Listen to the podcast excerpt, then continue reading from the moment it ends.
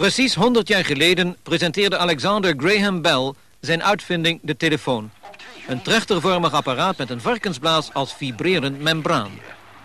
De telefoon kreeg zijn stem op 10 maart 1876.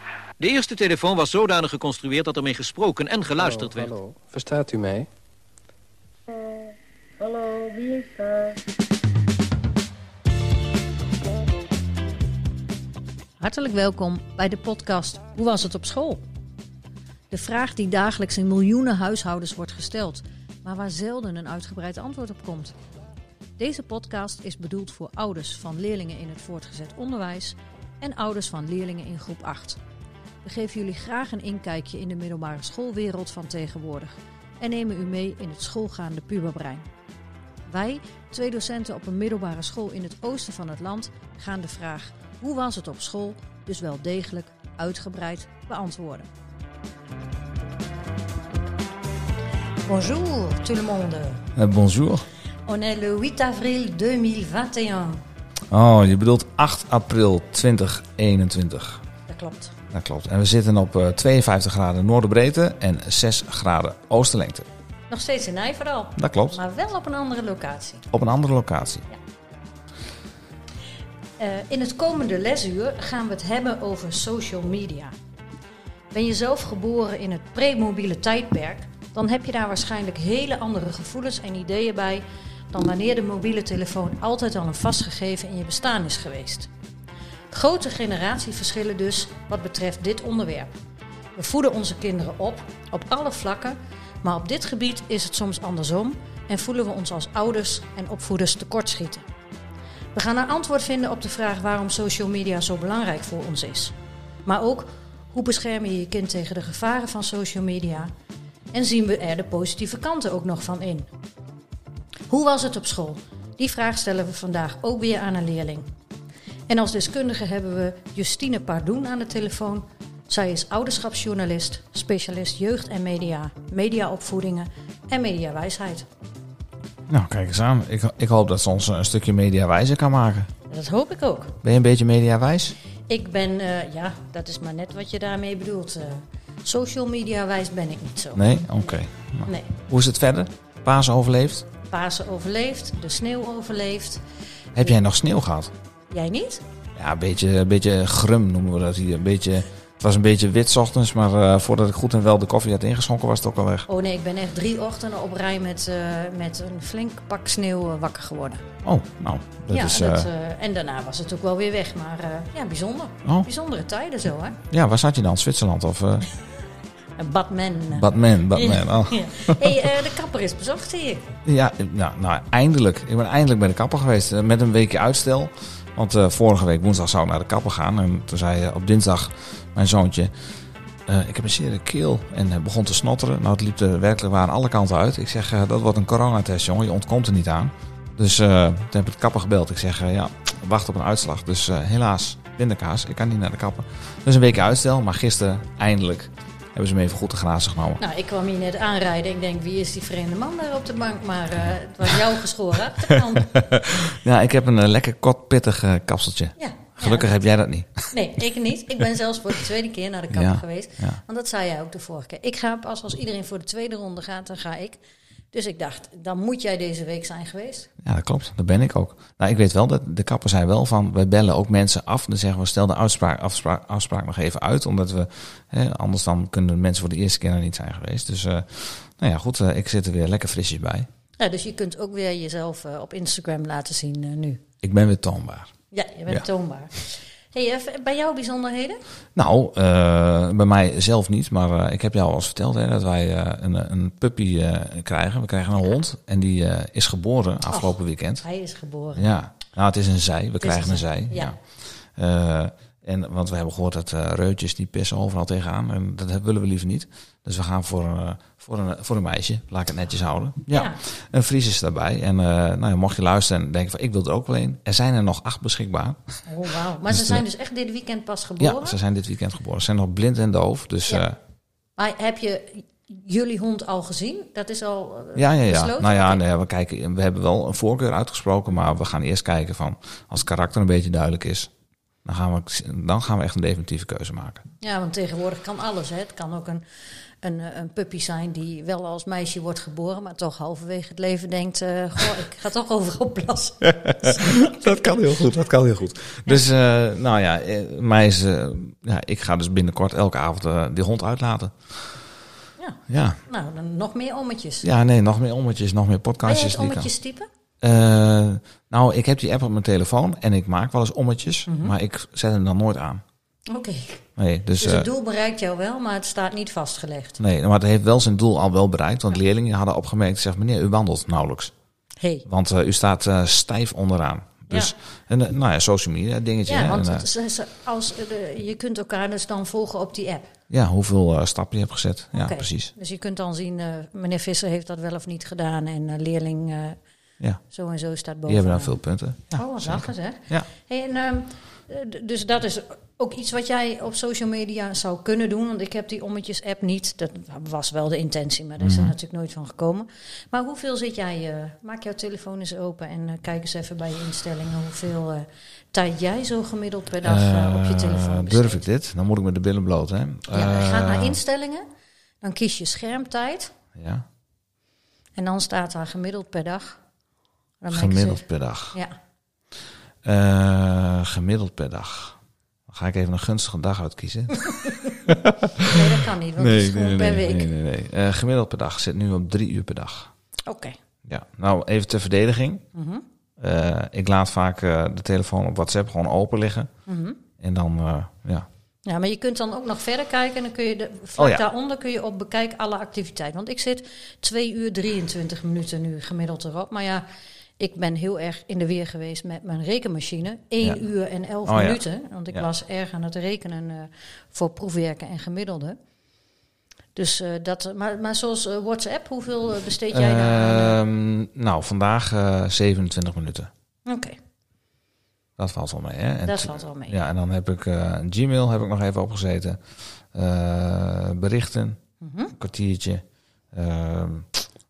Even zien, en Twitter. Maar verder geen social media apps als eh, YouTube en Instagram en zo.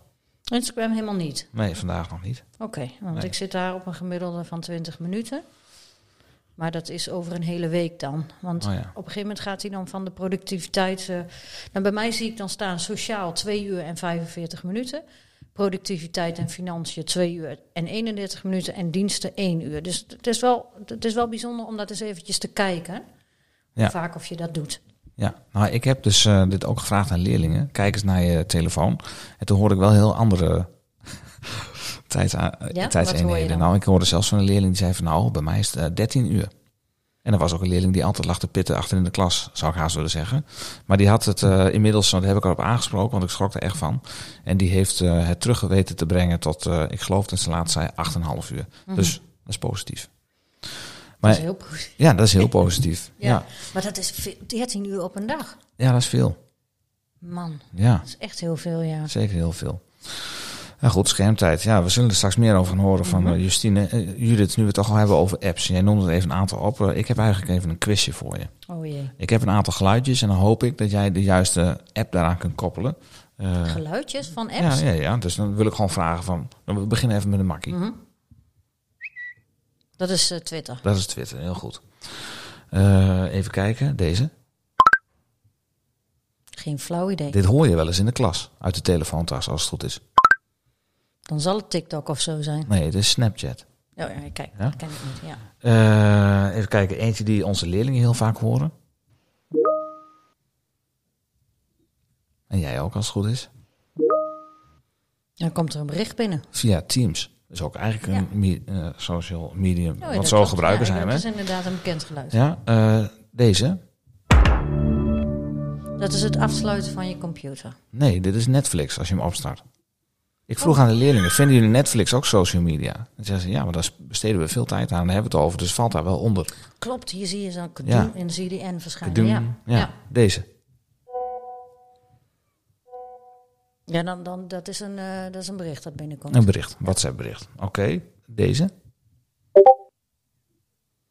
Onbekend voor mij. Onbekend. Nou, dit is voor heel veel ouders wel een bekend geluid, maar ik denk niet dat ze weten wat het is. Dit is Discord. Dit is ook ja, een ken ik Discord zeker. channel. Dat Ja. gebruiken gamers vooral. Ja. Dan kunnen ze ook mee chatten. Eh, de laatste twee, deze. Ja, die komt binnen, hè? Nou, kaching, zo klinkt hij. Nou? Dus eh, nee, ja, niet. Weet ik echt niet. Van Facebook Me- Messenger. Ja, ik ben dus iemand die nog nooit op Facebook heeft oh, gezeten. nou, dan is de vraag voor, voor, aan het einde ook al beantwoord. Ja, Ja. precies. Gaat ook nooit gebeuren. En, eh, en deze? Oh, die klinkt wel bekend, maar... Ja.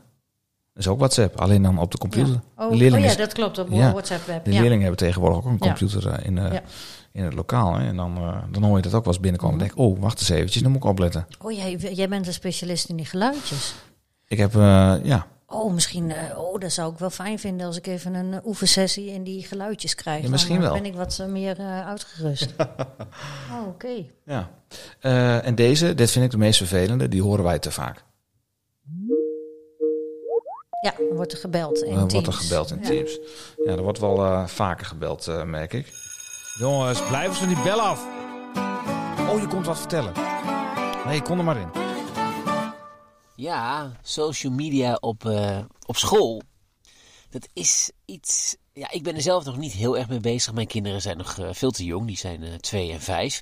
Maar ik maak me er stiekem toch al wel een klein beetje zorgen over. Want ja, ik vraag me wel af hoe dat verder moet gaan. Het klinkt misschien een beetje gek vanuit mij, want ik ben toch wel heel veel bezig met social media. Maar ja, ik vind toch ook wel dat je een, een, een, een ja, er, dat er een ontwikkeling is dat het misschien wel helemaal niet de, de goede kant op gaat.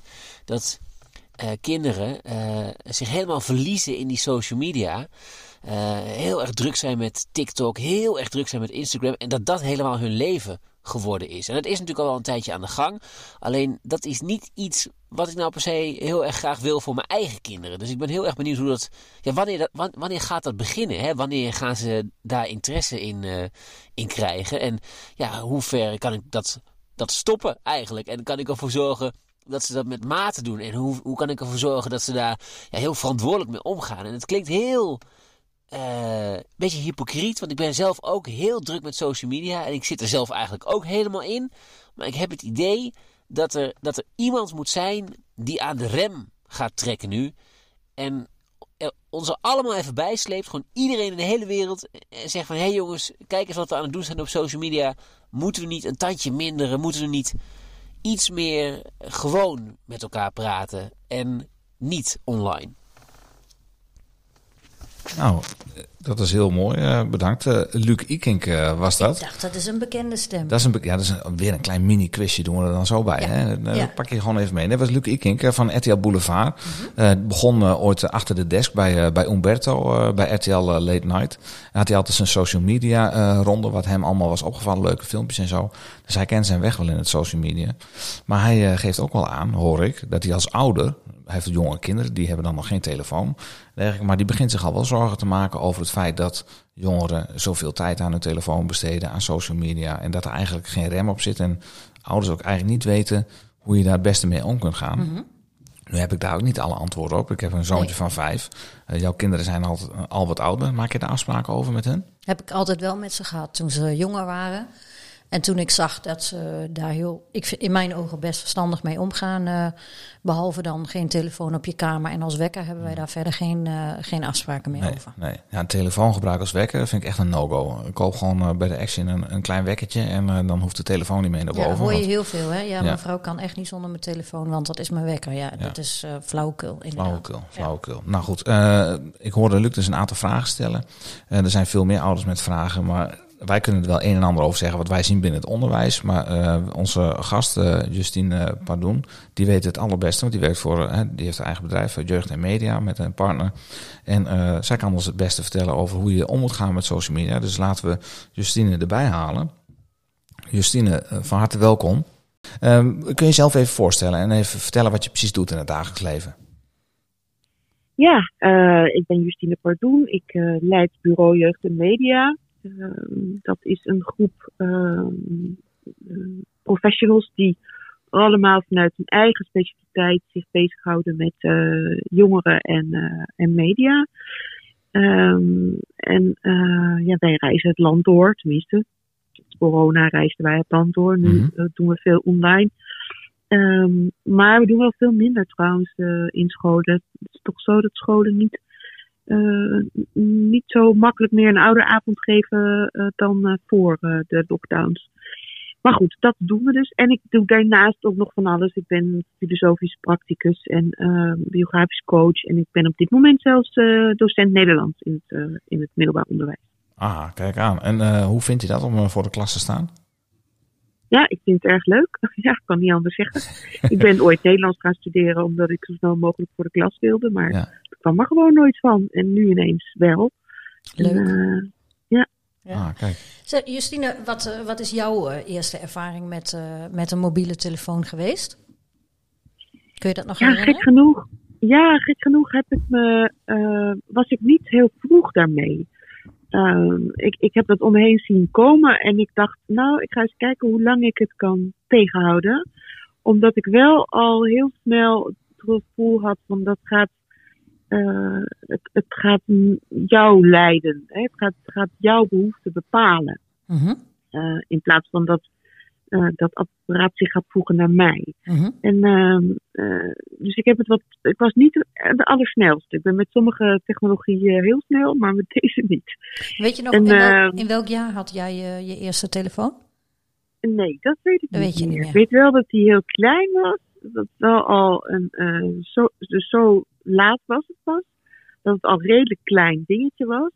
Ik zou het nu echt totaal onhandig hebben gevonden. Want je moest met die knopjes, hè, als je iets wilde Mhm. typen, moest je drie keer de, drie keer de ene toetsen, twee keer de Oh ja. volgende toetsen. Oh, Afschuwelijk. dus eh, ja, nee, ik was niet meteen fan. Nee, want ik weet, eh, ik heb hem zelf volgens mij in 1999 had ik mijn eerste telefoon. Het was een, eh een Philips Savi of zoiets, staat me nog bij. En ehm, dat was vooral om dan te kunnen bellen op momenten dat dat eerder niet mogelijk was. Maar Ja. iedereen had toen wel inderdaad de angst. eh, ja, hoezo moet je altijd bereikbaar zijn? Dat was toen Ja. in het begin de, de grote angst van iedereen en het grote vraagteken. Ik Ja, had- ik ja. had- Ik, had, ik eh, was ook al iemand die, die toen met de gewone telefoon, als ik studeerde vroeger, dan trok ik ook de stekker eruit. Oh ja. Eh, mensen vonden dat heel vreemd, maar ik wilde gewoon, ik vond onbereikbaar zijn ontzettend prettig. ja. Mhm. Met terug kunnen trekken, zelf kunnen bepalen ehm, eh, hoe, hoe eh, en wat. En het mooie was, als je de stekker eruit trok, dan merkte nooit iemand. Hè? De telefoon ging gewoon over voor, de ander. Ja. Niemand had dat door. Ehm, eh, dus eh, ja, er konden allerlei fantasieën ontstaan over wat ik allemaal aan het doen was. Maar ik zat dan gewoon eh, lekker geconcentreerd te Te studeren. studeren, ja, zonder Ja. storing. En jij Maarten, weet jij nog iets van Nou, ik had, eh, ja, ik geloof ook eh, begin, nou, eind 90, begin 2000 denk ik. Ik had een Pocketline Swing van High. Dat was echt super hip. En dan kon je elke eh, woensdag geloof ik kon je een gratis sms'je sturen. En dan kwam de tekst zo één voor één de letters voorbij. Ik weet nog precies aan wie ik mijn eerste eh, eh, berichtje stuurde. sms-berichtje, dat was heel wat. Eh, maar ja, goed, inmiddels wil je constant, ben je constant bereikbaar. Ik heb ook een tijdje terug heb ik de telefoon, heb ik alle apps verwijderd die ik had. En ik heb gezegd, ik heb zelfs WhatsApp eraf gehaald. En heb ik gezegd van, jongens, als jullie mij willen bereiken, dan kun je mij een sms sturen of bellen. Of, een, of een e-mail sturen. En ik kreeg gek genoeg nou, ja, vrij weinig berichtjes. Eh, Zelfs mijn ouders vonden dat vervelend, dat ik niet meer in de familie-app zat. En die zeiden van, ja, hoe kan ik het nou bereiken? Dat is toch onhandig en zo. En toen kwamen we eigenlijk vrij snel achter hoe onhandig het is om je te kunnen, nou, nu te willen onttrekken aan, hè, aan, eh, aan de rest, zeg maar. En na afloop eh, kwam eruit dat ik ja, vrij weinig felicitaties meer kreeg voor mijn verjaardag. Ik kreeg maar, kreeg maar één kaartje, want iedereen feliciteert je via Facebook. En dan ook nog een keer op Instagram en ook nog een keer op WhatsApp. En dus het is een heel groot onderdeel geworden van ons leven. En ik moet altijd denken aan, aan het eh, stukje eh, beeldmateriaal wat af en toe wel eens verschijnt op studiedagen. Van die mensen die, hè, er wordt dan gevraagd, wil je een mobiele telefoon? En dan zegt zo'n man, huh, moet ik altijd bereikbaar zijn? Als ze me willen bereiken, dan sturen ze me maar een brief. Toen dacht ik, ja, die tijd zou ik wel eens terug willen. Ja. Ja. Ja, ik, ik zit niet op Facebook, totdat ik op een gegeven moment een paar feestjes had gemist. Want toen werden gewoon uitnodigingen via Facebook verstuurd. Ja. Toen heb ik het overwogen. Toen dacht ik, ja, nu kom ik sociaal gezien aan de kant te staan. ja. Ja, Dat is voor ons vol- volwassenen, daar kunnen we wel mee omgaan. Maar voor een jongen is dat eh, heel anders natuurlijk. Eh, Justine, eh, we hebben het even gehad over onze mobiele historie. Om het zo maar even te Ja. zeggen. Ehm, kijk, wij merken dus al dat social media voor ons ook heel handig is, maar soms ook heel onhandig. Waarom is het voor jongeren zo aantrekkelijk?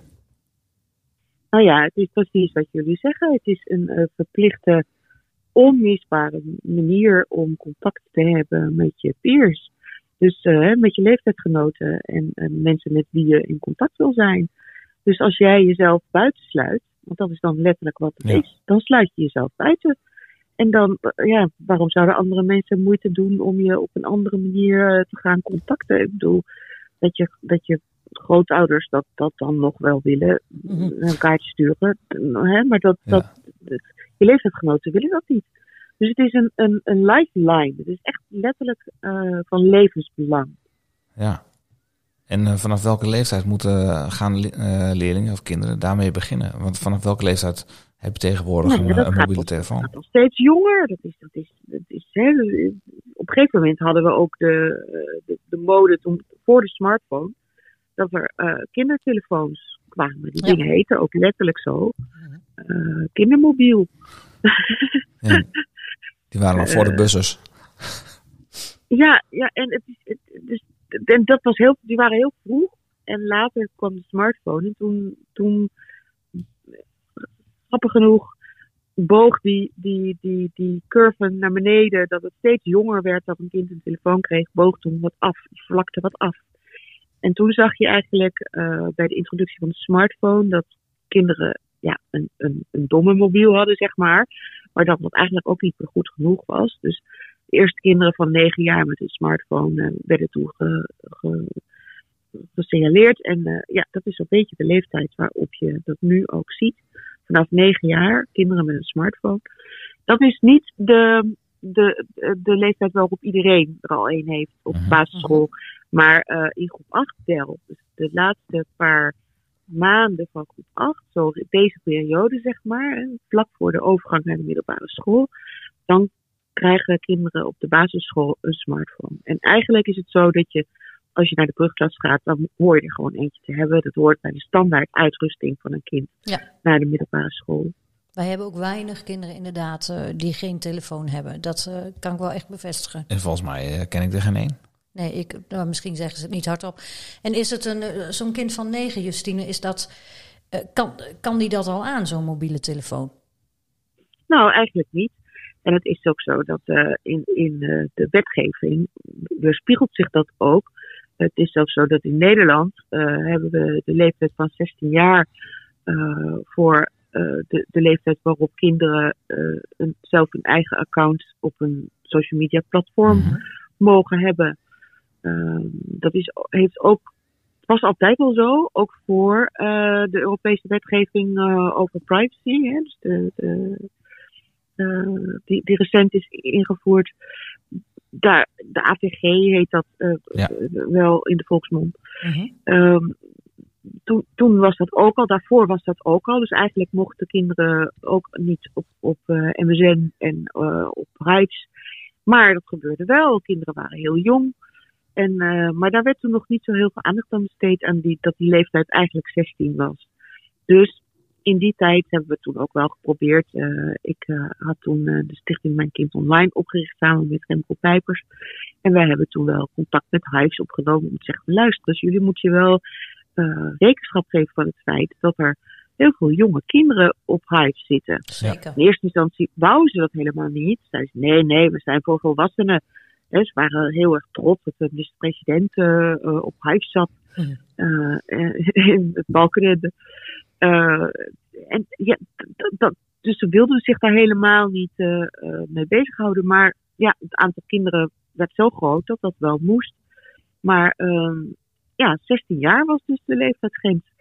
En in, ehm, toen de AVG werd geïntroduceerd, mochten de individuele landen mochten zelf bepalen of ze die leeftijd naar 13 zouden verlagen of niet. En een aantal landen zoals Ierland hebben dat gedaan. Mhm. En wij hebben toen ook heel erg gelobbyd om ervoor te zorgen dat kinderen vanaf 13 eh, al op social media mochten. Want dat zou dus betekenen dat je in staat was om met die social media platforms afspraken te maken over hoe je omgaat met kinderen vanaf 13 jaar. Ja. Dat ze daar eh, speciale regels voor moeten eh, invoeren. Bijvoorbeeld dat als je een account maakt als eh, jongere, als kind, dat je dan eh, automatisch eh, op, op slot staat. Dat, Ja. dat het account niet automatisch open staat, maar dat het automatisch dicht staat. En dat je dus iets moet doen om dat account open te zetten.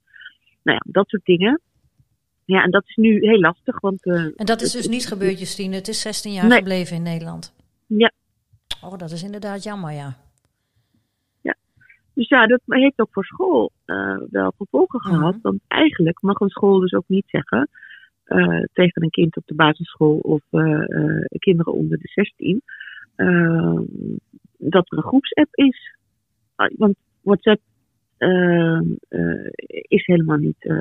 je mag dus eigenlijk niet onrechtmatige daad stimuleren door te Nee. zeggen van we zitten Nee. met z'n allen in de groepsapp. Nou, bij ons op school gebeurt dat dan ook. Hè? Wij, wij, stimuleren, wij zitten als eh, mentoren niet, eh, niet daarbij in. Nee, Eh, nee, dat nee, wordt nee. bij ons echt. eh, Contact met leerlingen via andere wegen dan een gewoon gesprek. Dat is altijd via Teams of via Magister. Ja. Dat is, eh, want dat is ook te controleren en dat is ook veilig. En, en dat andere, dat, eh, dat zeggen gewoon, dat moet je gewoon niet doen. nee. Ja. Nee. Maar goed, dat zal inderdaad eh, niet op elke school zo zijn. En wat je heel veel hoort, Justine, is dat ouders zeggen: Oké, ja, weet je, ik snap het wel dat 9 jaar heel jong is. En misschien 13 en 16 ook nog wel. eh, voor bepaalde dingen. Hè? Want met een smartphone heb je toegang tot de hele wereld. En ook Ja. dus dingen waar kinderen emotioneel nog helemaal niet aan toe zijn. Ehm, maar eh, die bezwijken onder de druk van dat de rest van de klas ook allemaal een Ja. mobiel heeft. Heb jij Ja. tips voor dit soort ouders? Ja, nou, dat is wel een genuanceerd. Ik, ik eigenlijk, ehm, aan de ene kant zeggen wij altijd van, joh, ja, je moet natuurlijk, als je zelf vindt dat het niet oké is, dan moet je dat volgen, dat idee. Mhm. Maar je moet je ook realiseren dat als je je kind eh, verplicht zich buiten te sluiten op zo'n manier, dan heeft dat ook consequenties. Ja.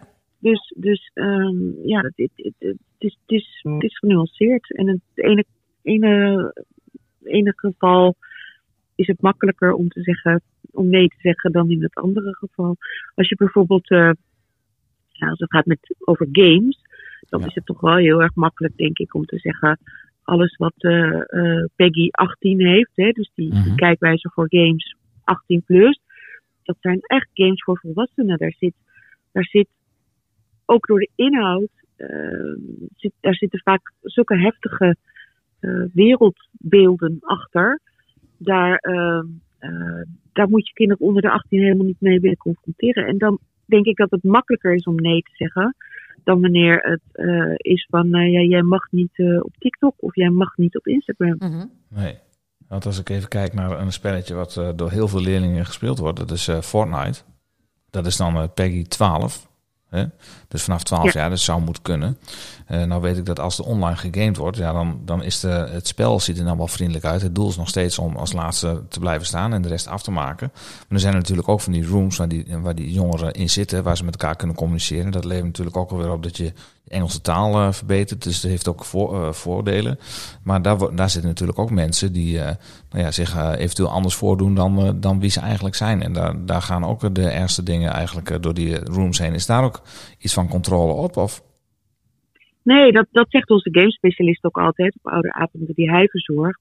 Let wel, op het moment dat je kinderen in die game communities laat kletsen. Hè, dus, En dat, soms is het ook in een, in, met een spraaksysteem buiten de game om. Ja. Of, hè, ze Mhm. kunnen gewoon in contact komen met heel veel andere mensen. Ja, via Discord. Dan, eh, eh, gebeurt daar veel meer dan je, dan je, dan je kan controleren. Ja. En het is ook voor die jongeren gewoon, of die kinderen, heel goed om, om zich te realiseren wat gebeurt daar eigenlijk en wat vind ik daarvan. En kijk, wijsheid, en dus zeker mediawijsheid, staat of valt bij je, je, je, je, je, je voorstellen. Eh, wat vind ik ergens van? En daar dan conclusies aan verbinden. En Mhm. wijsheid is dat je iets onder woorden kunt brengen. eh, en dat je daarnaar kunt kijken. Dat je afstand kunt nemen van die gedachten of ervaring in dit geval. En daar iets van vinden. En dan je handelen daarnaar aanpassen. Eh, daaraan aanpassen. En dat, is, dat, dat vraagt begeleiding. Dus je moet, behalve dat je zegt van oké, Peggy 12, is het ook belangrijk om je te realiseren inderdaad. Ja. Dat ze in contact zijn met anderen. En dat je voortdurend dat niveau van reflectie, dat, dat de manier dat ze over de dingen nadenken, dat je dat moet stimuleren. En dat moet je, daarin moet je ze optillen, meenemen, aan de hand nemen. En eh, ja, dat, het zou fijn zijn als niet alleen ouders dat doen, maar ook docenten. Ja. Dat ze regelmatig eens nadenken over wat gebeurt daar eigenlijk en wat vinden wij daarvan. Nou, we hadden bijvoorbeeld zo'n mooi moment, hè, een paar weken geleden, met die eh eh, Bilal Wahid. Dat je, dat, je, dat je die twee jongens, die, die, die ja, toch wel iets gedaan hadden wat eh, puur grensoverschrijdend was. Mhm. En eh, dat alle jongeren wisten daarvan. Ja. En dat Ja. was natuurlijk heel mooi om dat aan te grijpen. Dus als je in het onderwijs zit, dan kun je daar heel makkelijk vragen van, goed, wat hebben jullie daarvan meegekregen? Wat vinden jullie daarvan? Eh, moeten jongeren gestraft worden? Was het goed dat ze hem hadden opgepakt? Ehm, nou, hij is weer vrijgelaten. Wat moet er dan vervolgens gebeuren? Eh, en, en zonder dat je meteen weet hoe het zit, eh, of, of hoe het zou moeten of zo. Hè? Je hoeft zelf niet heel veel te weten. Je kunt gewoon kinderen stimuleren om daarover na te Ja. denken. En wat je wel kunt als docent, is vragen stellen. Ja. Hè, dat is je vak. Dus daar, en dat moet je, moet je juist als het gaat over media en mediaervaringen, moet je dat bij die jongeren eh, stimuleren.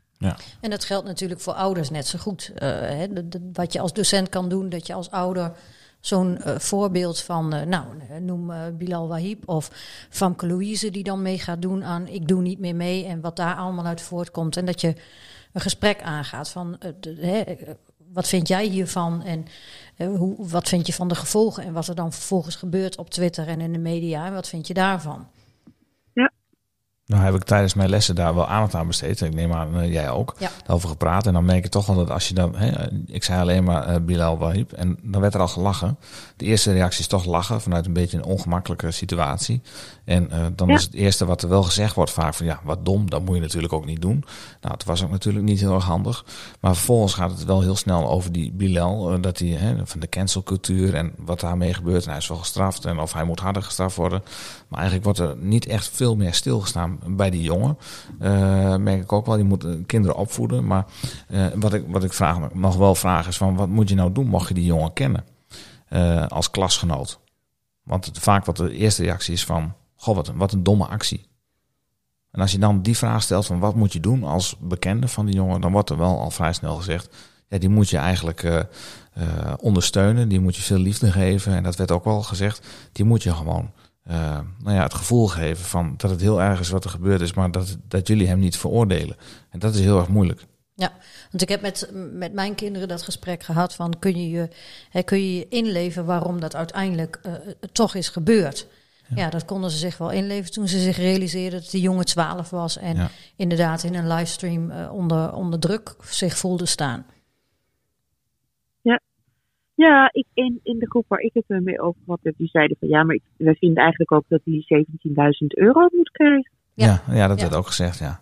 Ja, ze Dat waren was nog... beloofd. En, Ja, ja. en, dus, de- ja, het, en dan ga je vervolgens vragen, maar stel hè, dat, dat, dat dat zou gaan gebeuren, dat, dat hij dat geld zou krijgen en dat iedereen dat zou weten. Dan, eh, dan, dan schep je natuurlijk ook een eh, precedent. Hè? Dus Mhm. dan, dan, dan, dan krijg je, heb je daarmee een voorbeeld gegeven dat je ehm, eh, bij jezelf over iets gaat doen, eh, iets seksueels misschien, voor geld.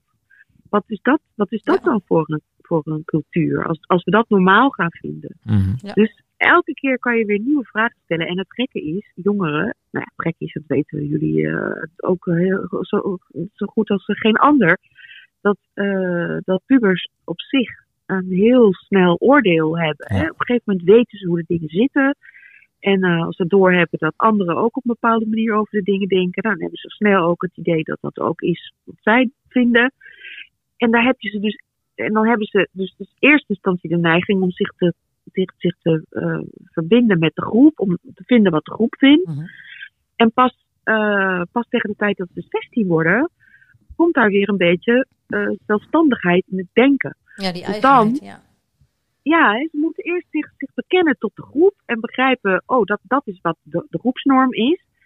En het is ook heel lastig om, om, om tussen de 12 en de 16 kinderen een, een afwijkende mening te laten hebben over iets. Eh, en, maar toch moet je dat blijven voeden, ook al durven ze het niet te zeggen.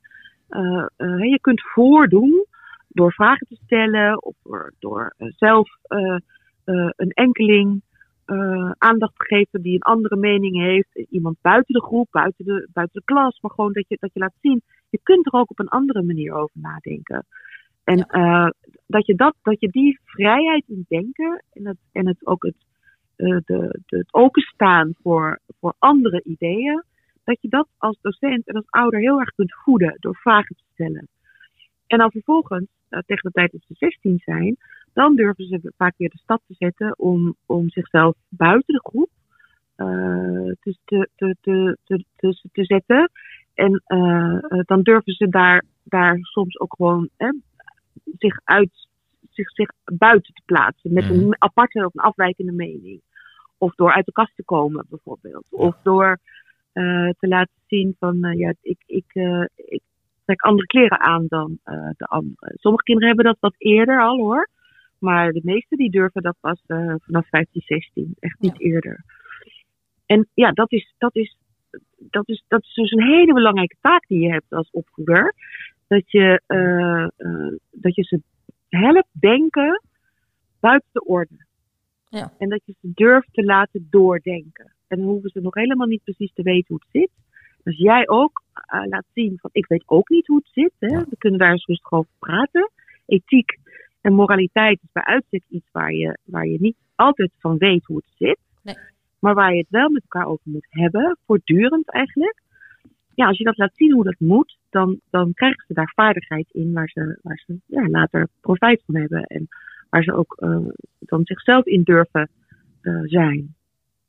Nou, ik denk dat je dat heel mooi, uh, mooi zegt, Justine. En ik, wat ik er nog aan toe wil voegen is, dan hebben, hebben we het over, vanuit het onderwijs, we hebben, ik geef dan aardrijkskunde, dan hebben we het vaak over actuele, actuele zaken. En dus dan hebben we het ook over het nieuws, dus kritisch kijken naar zaken. Dat kan natuurlijk ook naar andere dingen. dat is ook echt iets ja. wat je bij moet brengen, zodat leerlingen ook kunnen reflecteren van wat vind ik hier nu inderdaad van. En is het wel echt wat ik zie? Want ja, je kunt ook heel snel ja, zaken aannemen die totaal niet waar zijn. Dat zien we steeds vaker, ook onder de volwassenen op Twitter bijvoorbeeld. En ik vind ook één, heel, één vraag heel erg belangrijk. Moet ik of wil ik hier wat van vinden? Ja. Ja. Is dat, moet ik overal maar een mening over hebben? Dat, dat lijkt een beetje, ja, misschien wel gevoed door social media. Dat, dat je overal uh, vrij zwart-wit zelfs nog een mening over moet Mhm. hebben. Terwijl er ook heel veel nuances zijn. En uh, die moet je Ja, inderdaad maar het is ook de leeftijd, hè? Ja. Het is dus ook de leeftijd. Ja. Dat, Zeker. Ja. En dan is het inderdaad de kunst om eh, te laten zien hoe eh, het niet weten, eh, hoe dat eruit ziet. En dat je dus als docent ook op sommige momenten kunt zeggen, ja, ik weet het eigenlijk niet. Ja, er Dat heel je dat ook kunt is. voordoen. Ja, Ja, dat zeker klopt. waar. Nou ja, kijk, wij zijn eh, niet met social media opgegroeid. Het is bij ons eh, erbij gekomen.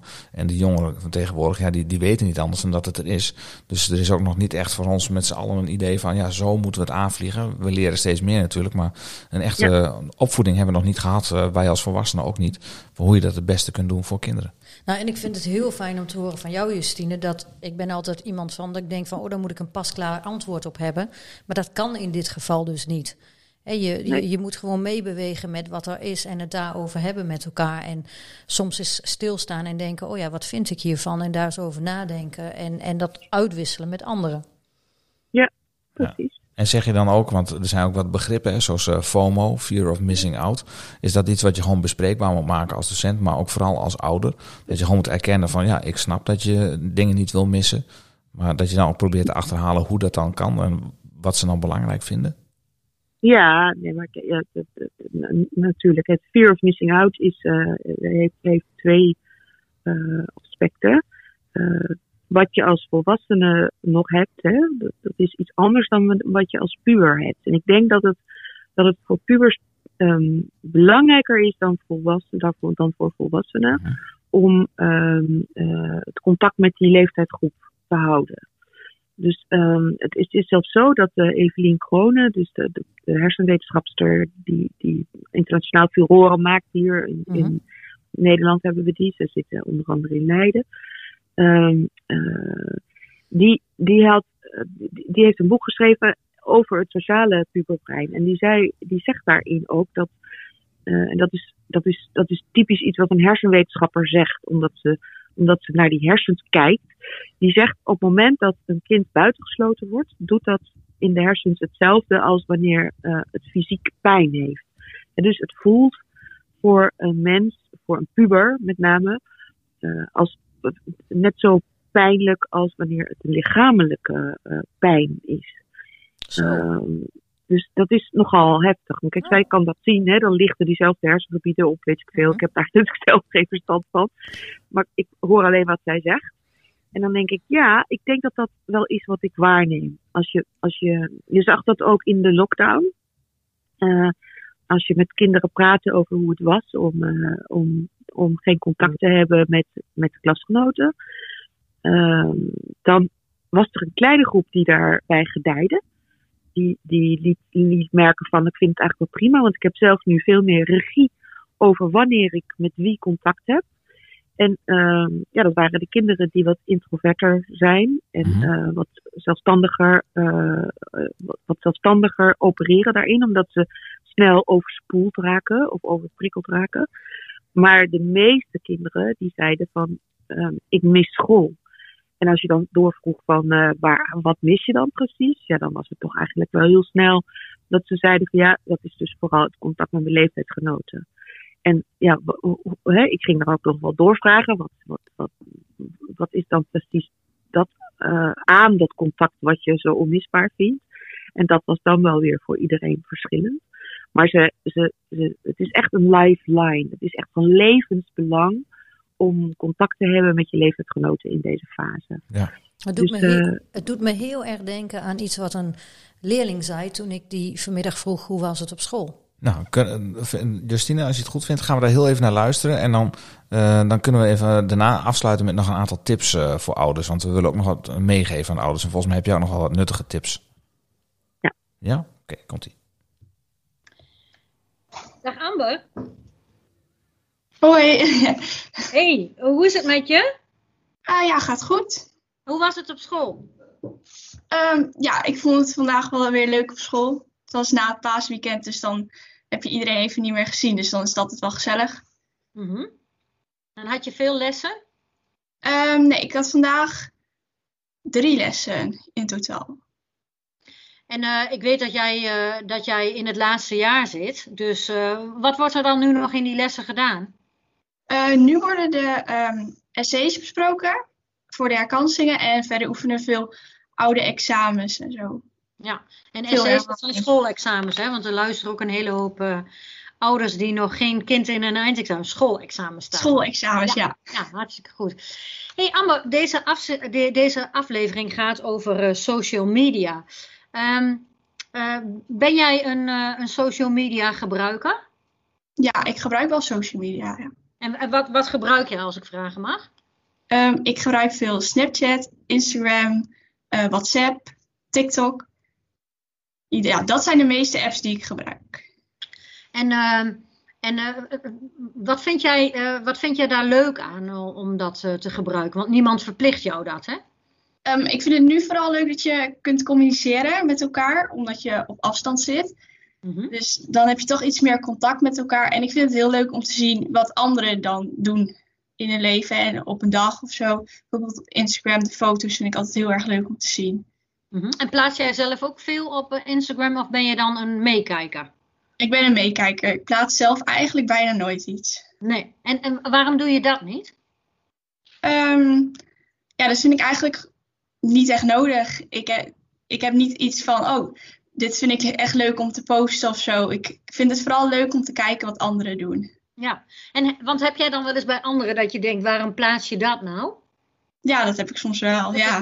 Ja, ja. Ik, snap dat wel. Ik heb dat zelf ook, denk ik. Ja, wie zit er nou te wachten op mijn leven? eh, Ja, precies. op Instagram. Maar ik vind het ook leuk om anderen te bekijken. Ja. Ja. Zijn, er, eh, zijn er ook eh, eh, bijvoorbeeld eh, celebrities die jij, eh, die jij volgt? Of kijk jij alleen naar mensen die je ook in real life kent? Ehm, ja, ik volg er wel een paar, maar niet heel veel. Het zijn meer mensen die ik echt ken. Ja, dus het, eh, gewoon om een beetje mee te kijken en contact eh, te hebben met elkaar. Is inderdaad in deze tijd eh, natuurlijk wel een beetje de lifeline geweest eh, naar een stukje gewoon leven. eh. Ja, ja. Want zijn de Instagram-posts, vind jij ook nog, en de Snapchat-posts ook nog veranderd in coronatijd? Heb je daar iets van gemerkt? Ehm, ja, vooral op Snapchat zijn ze veel minder geworden dan dat ze eerst waren. Omdat bijna niemand iets meer doet. Maar op Instagram valt het wel mee hoe erg het veranderd is. Oké. Ja, het zijn wel meer selfies geworden dan echt foto's van mensen die ergens zijn. Maar dat valt me nog wel mee. Het is wel heel logisch inderdaad, hè, als je Ja. erover nadenkt. Ja. Heb jij ook wel eens eh, eh, mindere kanten van social media ervaren? Ehm, nee, eigenlijk niet. Nee. Nee. Dus jij hebt er alleen maar de voordelen van en jij hebt eh, hè, nog niet eh, gehad dat... eh, nou, want bijvoorbeeld hè, in zo'n WhatsApp-groep, stel je voor dat je, dat, dat je er niet meer in wil. Eh, hoe pak je dat aan als je gaat zeggen van eh, Amber heeft de groep verlaten? Ja, nee, ik heb wel eens in van die klasgroep-apps eh, gezeten, vooral in de eerste en de tweede. En daar word je dan ingegooid en dan denk ik, ja, dit wil ik helemaal niet. Dus dan ging ik er vaak uit, maar dat heeft helemaal geen zin, want ze stoppen je er zo weer in. Dus dan Ja. ik hem vaak op dempen en dan een paar dagen later, als het rustig was, dan verliet ik de groep. Dus dan, ja, daar heb je eigenlijk ook geen last van, maar Nee. Nee. Dus je kunt eigenlijk ook nog wel via het hoekje het pand verlaten, zeg maar. ja, eigenlijk wel, ja. Oh ja, leuk. Ja, want dat zijn wel echt van die dingen waar sommigen wel mee zitten. Van hoe verlaat je dan inderdaad, eh, hoe ontvriend je iemand eh, op een, een manier dat iemand niet meteen beledigd is, eh, want het klinkt nogal hard inderdaad. En ik heb Ja. inderdaad wel eens bedacht dat je, eigenlijk moet je altijd toestemming geven om in een groep te, ge- gezet te kunnen worden. Dat jij dan nog op een knop drukt waarbij je zegt, ja, deze groep wil ik mee, eh, wil ik aan meedoen. Ja. Nou, maar Ja. wel fijn dat je, dat je alleen maar de voordelen ervan van Ja, dat is heel fijn, ja. Dat, eh, dat, dat wat dat betreft het geen controle over jouw leven opneemt. Nee, gelukkig niet. Nou, ik wens je nog een fijne dag, Amber. Dank je wel. Ja, hetzelfde. En tot gauw. Doei. Doei. Nou, dat was eh, Amber. Dat klonk wel eh, heel verstandig, eh, Justine, vind je niet? Ja, zeker. Ja. En wel, wel leuk om te zien dat, dit is dus een voorbeeld van hoe de grootste groep het ervaart. Hè. Je, je, je, je, je, je wil erbij, want je wilt weten wat daar gebeurt. En ehm, eh, kijk, wij kunnen met onze volwassen hersens, we weten wel hoe het werkt in de wereld. Wij kunnen heel makkelijk zeggen van nou nu even niet, ik, ik trek de stekker eruit. Mhm. of ik, ik, Ja. voor mij hoeft het even allemaal niet. En ik, ik haak aan wanneer het weer functioneel wordt. Maar voor een puber werkt dat dus niet zo. Is het echt wel grappig dat jij ook dat woord gebruikt, een lifeline, van levensbelang. Ja. Eh, en tegelijkertijd wil het niet zeggen dat ze voortdurend zelf bezig zijn om, eh, om, om dag in dag uit eh 80 berichten te posten. Er is maar een kleine groep die dat zo intensief doet. Ja. De meesten die, die, die, houden op een, die houden gewoon vooral bij wat de anderen doen. Dat je op de hoogte wilt zijn van wat er gebeurt. En met je kleine groepje vrienden en vriendinnen heb je dan wel contact via WhatsApp. Ben je wel aan het communiceren natuurlijk. Ja, Maar niet per se de, de hele tijd foto's aan het plaatsen of zo. want is jouw ervaring, Justine, dat dus verreweg de meesten er gewoon heel redelijk verstandig mee omgaan? dat is zeker de ervaring. Dat blijkt, blijkt ook uit onderzoek. De meeste jongeren gaan er, gaan er prima mee om. En eh, er gebeuren natuurlijk wel eens rare dingen. Eh, en dan kunnen ze ook wel, wel oplossen. En, en er komen natuurlijk ook momenten dat, dat, dat ze het niet meer zelf kunnen Nee. oplossen. En dat ze er eigenlijk over zouden willen praten. En als je dus les geeft over, hè, mensen in mijn team van Bureau Jeugd Media, die geven ook gastlessen. En die maken mee dat kinderen dan tijdens zo'n klassengesprek eh, soms voor het eerst iets vertellen wat ze hebben ervaren. Eh, wat ze dus blijkbaar op dat moment in veiligheid kunnen delen. En dat hebben ze dan nog nooit aan iemand verteld. Eh, dus, dus ze hebben, als, als je ze ertoe uitnodigt, dan willen ze dat wel delen. Dan willen ze het daar wel over hebben.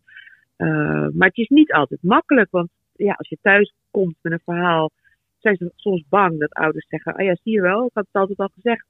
Dat, oh, dat die social media, dat helpt helemaal niks. Stop Ja. daar maar mee. Of eh, eh, dat, dat, dat ze dus bang zijn dat ze meteen eh, de schuld krijgen. Of dat ze het niet goed kunnen uitleggen. Of dat ze zelf iets stoms hebben gedaan, waardoor er iets misgegaan is. Waardoor ze dan misschien straf krijgen of zo. Ze kunnen daar nog niet op een hele realistische manier over nadenken. Wat dan de, de gevolgen zijn van als ze dat vertellen. En in zo'n klasgesprek, als het veilig is, en dat, dat, daar, daar zorgen onze docenten dan voor, dan kan dat vaak wel. Ja, en dan is het ook altijd wel belangrijk dat de docent aanwezig is zelf. En dat dat daarna nog soms opgepakt kan worden. Want er, er worden soms ook dingen voor het eerst verteld die eigenlijk echt wel nazorg eh, behoeven. Mhm. Dus natuurlijk komt dat voor. En dat verhaal van Amber net over die mobiele telefoon. eh, eh, en en of, je, of zij het kan wegleggen en zo. Weet je. ehm, het deed me denken aan, aan een verhaal van een moeder die vertelde. Op een gegeven moment was mijn zoon zijn mobiele telefoon kwijt. ja, we waren ontzettend boos op hem, want dat is een dure smartphone. En hoezo kan je zoiets zomaar kwijt zijn? Maar toen, eh, na een paar dagen of een week of zo, toen maakte de, de moeder het eh, bed schoon, van de, verschoonde de lakens. En uh, tilde het matras op en daar lag die telefoon. En toen bleek dus dat die jongen niet in staat was geweest om de, de druk die er via die WhatsApp-groepen was ontstaan, en dat hij daar werd gepest, om die te weerstaan. Hij werd steeds, hij kon zich daar dus niet uit terugtrekken. Mhm. Ehm, en toen had hij dus maar gedaan alsof hij zijn telefoon kwijt was.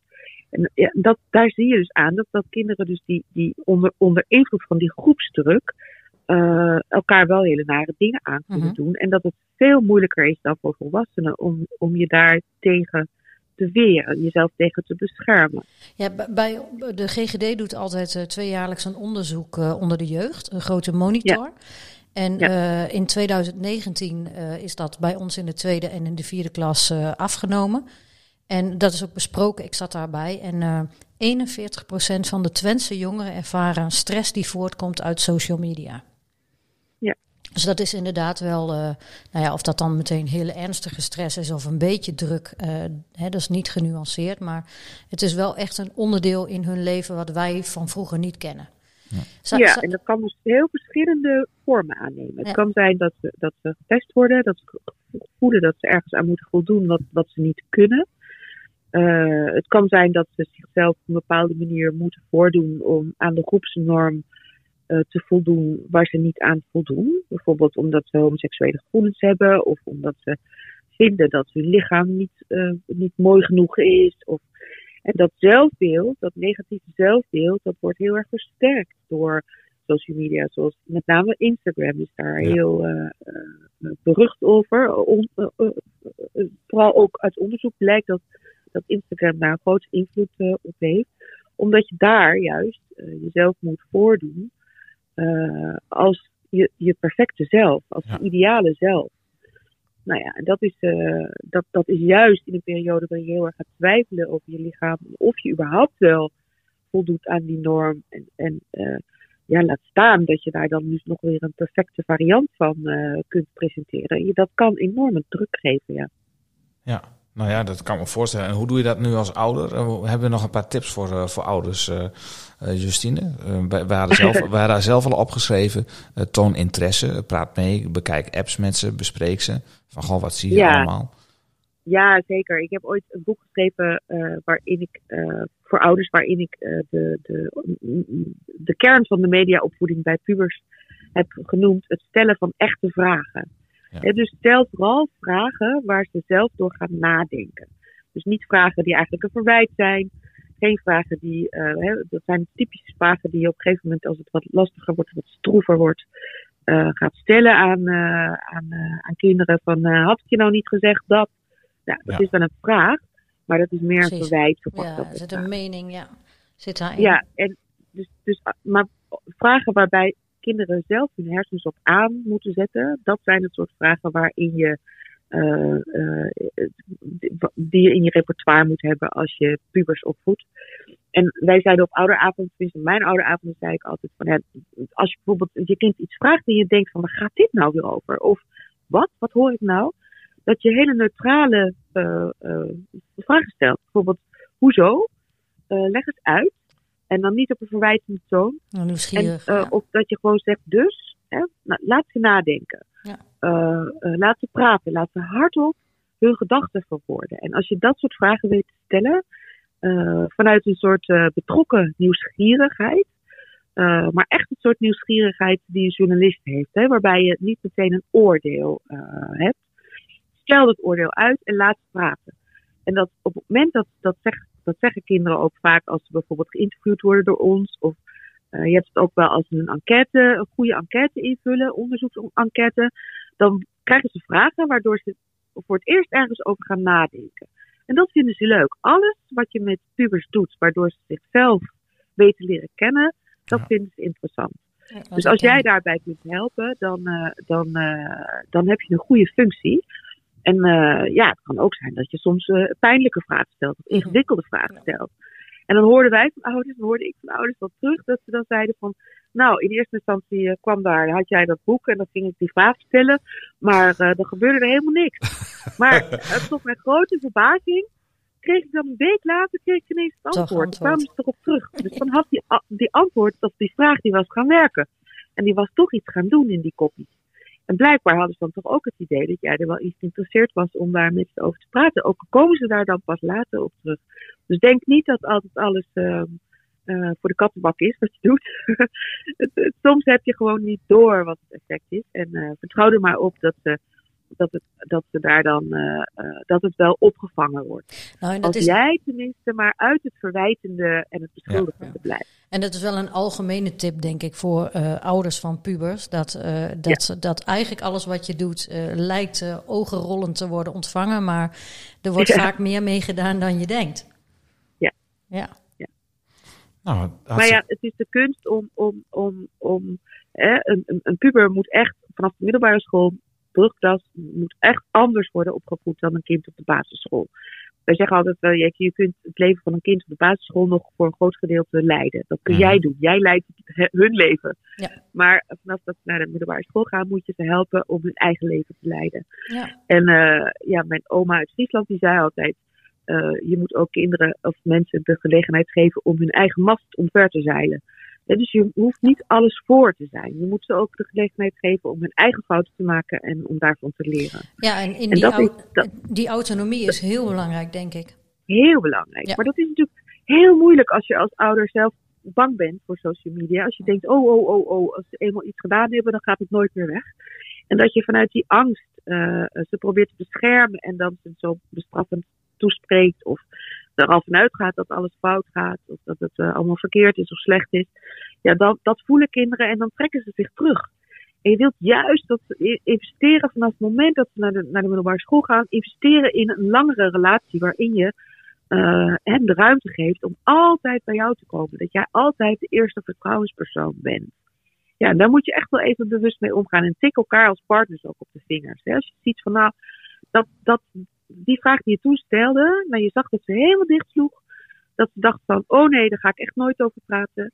Dus zou, hoe, hoe zou je dat de volgende keer anders kunnen doen? Ja, dat is heel mooi. Nou, en ouders kunnen natuurlijk ook, als ze er niet uitkomen, gewoon naar de mentor of naar de zorgcoördinator van de school gaan. Die hebben er ook al ervaring mee natuurlijk. Dus die kunnen Ja. de gang naar school ook eh, vinden. En, eh, en anders eh, wellicht via jou, Justine. We zullen ook je website vermelden in, in onze show notes. Dus daar zullen we naar verwijzen. Maar we hebben ook een mooi pakket, dat heet de Internethelden. En dat is eh, zowel voor scholen, er kunnen lessen uitgegeven worden, maar er is ook oudermateriaal bij. Dus eh, misschien is een linkje daar naartoe ook heel mooi. Dat is een boekje. En dat boekje bevat ook eh, EHBO-pagina's. Dus als er iets mis is, dat je precies kunt nagaan wat je dan precies kunt doen. Ja, Kijk, super. Dus heel dat mooi. is eh, ook wel een eh, belangrijke tip. Ja, dat denk ik heel praktisch. eh, Zeker, die gaan we meenemen. En ik denk dat we hem op school ook nog eens even onder de aandacht brengen Zeker. in ons lessenpakket. Nou, Justine, ontzettend bedankt dat je eh, ons wilde spreken. En, eh, of nou ja, bij ons wilde zijn eigenlijk. En eh, wij, eh, nou, wij vonden dit heel waardevol. Tenminste, ik wel. Ja. Judith. Ik ook. Veel Ja, geleerd. graag gedaan. Ik vond het Dankjewel. leuk. Oké, hartstikke fijn. Dag. Goed, dag. Dag. Zo, dat was eh, Justine. Nou, je kunt haar gewoon volgen op Twitter. Of vraagjustine.nl. Dan kom je ook eh, bij haar uit. Ja, Eh, ik wist er mooi. veel van. Veel Nou. van, ja. Hebben we nog even wat praktische tips? Ja, wij zelf als ouders en als eh, docenten misschien. Ja, ik, nou ja, we, we noemden al van de telefoon mee naar bed en zo. Hè. Ja. Ik, eh, ja, ik, dat, ik, ben daar geen, eh, ik ben daar geen voorstander van. Want ook al eh, twittert jouw kind niet of appt jouw kind niet om half drie s'nachts. Dat wil niet zeggen dat alle vriendinnen dat ook niet doen. Dus eh, ping, ping s'nachts. En eh, het duurt echt 20 minuten voor je zo'n ping weer hebt uitgezet als je hem probeert te negeren. Ik heb altijd alle meldingen uitstaan op mijn telefoon. Ik word alleen maar gebeld als ik een berichtje krijg. eh, Dan trilt mijn, eh, mijn Ja. horloge een keertje van Ja. je wordt gebeld.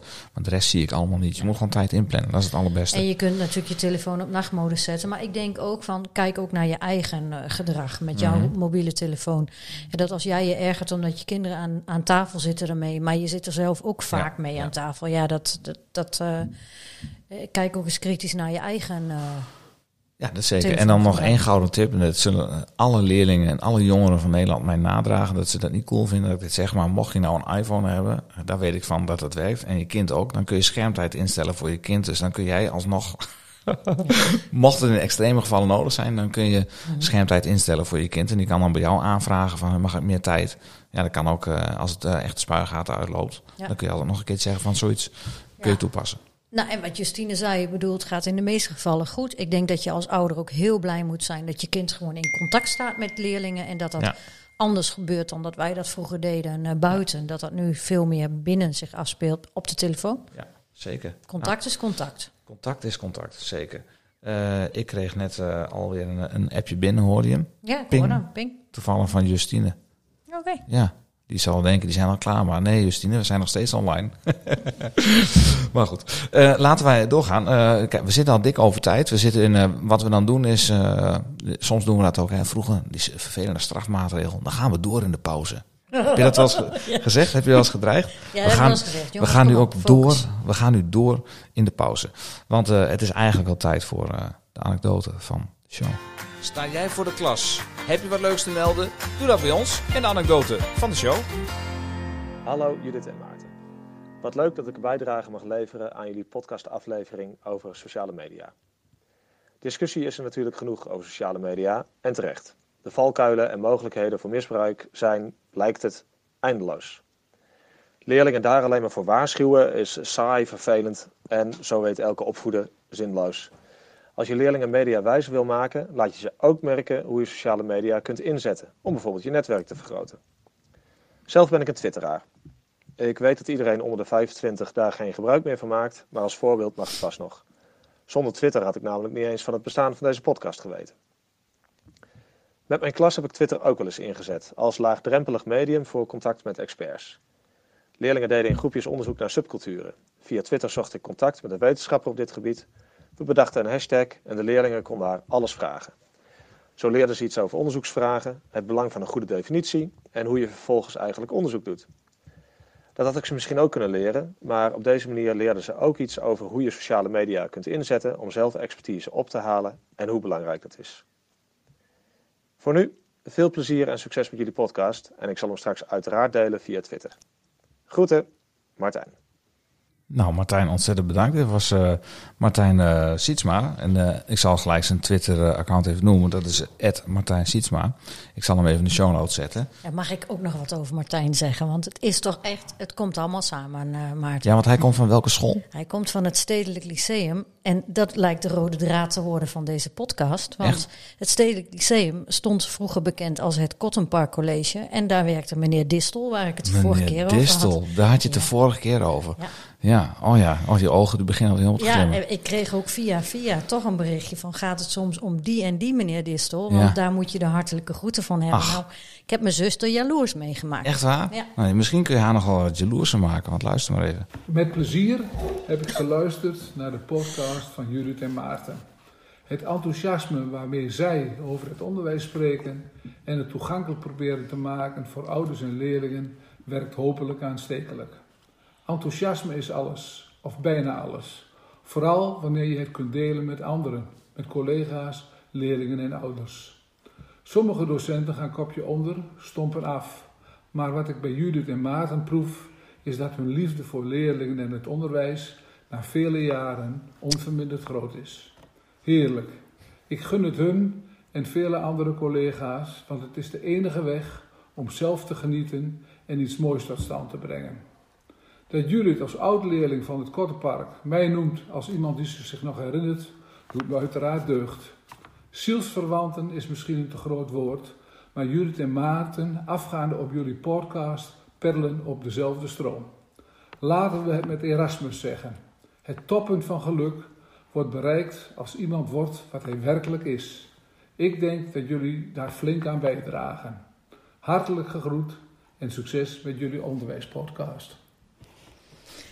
Nou, meneer Distel, ik heb hier, eh, ik heb hier eh, de tissues eh, klaarstaan. Want de waterlanders die komen, nou die komen nog net niet. Maar Judith, herkende je hem? Ja, zeker. En ik ben zeer geroerd. Snap je nu waarom meneer Distel zo bijzonder was? Ja, nee, zeker. Ja, dat kun je mooi. toch gewoon horen aan die stem alleen. al? Ja, hij hangt er gelijk aan zijn lippen, hè? Ja. Dit, ja, nou echt. en dan ook nog wat inhoudelijk zegt. Ik ben er echt van onder de indruk. Nou, dat is mooi. En eh, van ondersteboven. Nou, dat is... En het, en ze, we mogen hem wel benoemen als vriend van de show, denk ik. Echt zeker. Inspirator van de show misschien ook wel eh, in... eh, ja, hoe was het in de jaren tachtig? Nou, zo. Nou zo. Oh ja, die ben ik vergeten. Ja. Ja, die, die- in de jaren tachtig hadden we nog geen In de jaren tachtig. Nee, had je nog geen social media. Nee. Nou, hè, wat Nee. leuk. Wat leuk dat dat gebeurt. Ja, hè? ja, soms dan eh, vinden dingen ons. Nou, mooi. Eh, zijn er nou andere mensen die zeggen van ik wil ook reageren? Dat kan gewoon. Hè? Dan kun je ook gewoon wat inspreken op onze eh podcast site op Anchor. Dat linkje dat delen wij overal. Ehm, goed. Eh, Judith, eh, je hebt je oud-docent gehoord eh, en, en Martijn Sietsma hebben gehoord. En die heeft natuurlijk uh, bekokstoofd van het Stedelijk Lyceum. En locatie is de Stedelijke MAVO en de vakschool Het Diekman. Dus ontzettend bedankt. Erg leuk. Judith, ik hoor hem al. Volgens mij wordt het tijd om af te gaan, gaan ronden. Ja, De tijd is gevlogen. Ehm, u luistert naar Hoe was het op school? Gepresenteerd door uw favoriete docenten Judith Bukkerink en mezelf, Maarten Visser. Vandaag spraken wij met Justine Pardoen over social media en hoorden jullie niemand minder dan Luc Ikink met zijn fantastische inbreng. De volgende aflevering, ja, daar staat het onderwerp open. We gaan eh, een vraag uitzetten wat eh, onder de luisteraars leeft. Eh, dan kunnen we kijken of we daar wat inspiratie uit kunnen halen. We hebben nog tal van onderwerpen, dus we kunnen nu ook een keer de bal bij de luisteraars leggen. Wil je nou reageren, dan, eh, dan kun je dat gewoon doen. Je kunt een mailtje sturen naar hoe was het op school gmail.com of een berichtje sturen op Instagram naar hoe was het op school. Hebben we nog een Facebook update? wat denk je? Nee, oké, goed. Eh, zitten we al op Clubhouse? Nou, ik wel. Zit jij ook op Clubhouse Nee, inmiddels? ik eh, heb me er een beetje in verdiept. Ga het niet doen. Judith, ik heb je gewoon een invite gestuurd. Ben ik nu gewoon een invite kwijt? Ja. Jongen, jongen, hup, weg. Nee. Nou ja, goed. Oké, eh, maar misschien eh, kunnen we dat later nog een keertje doen.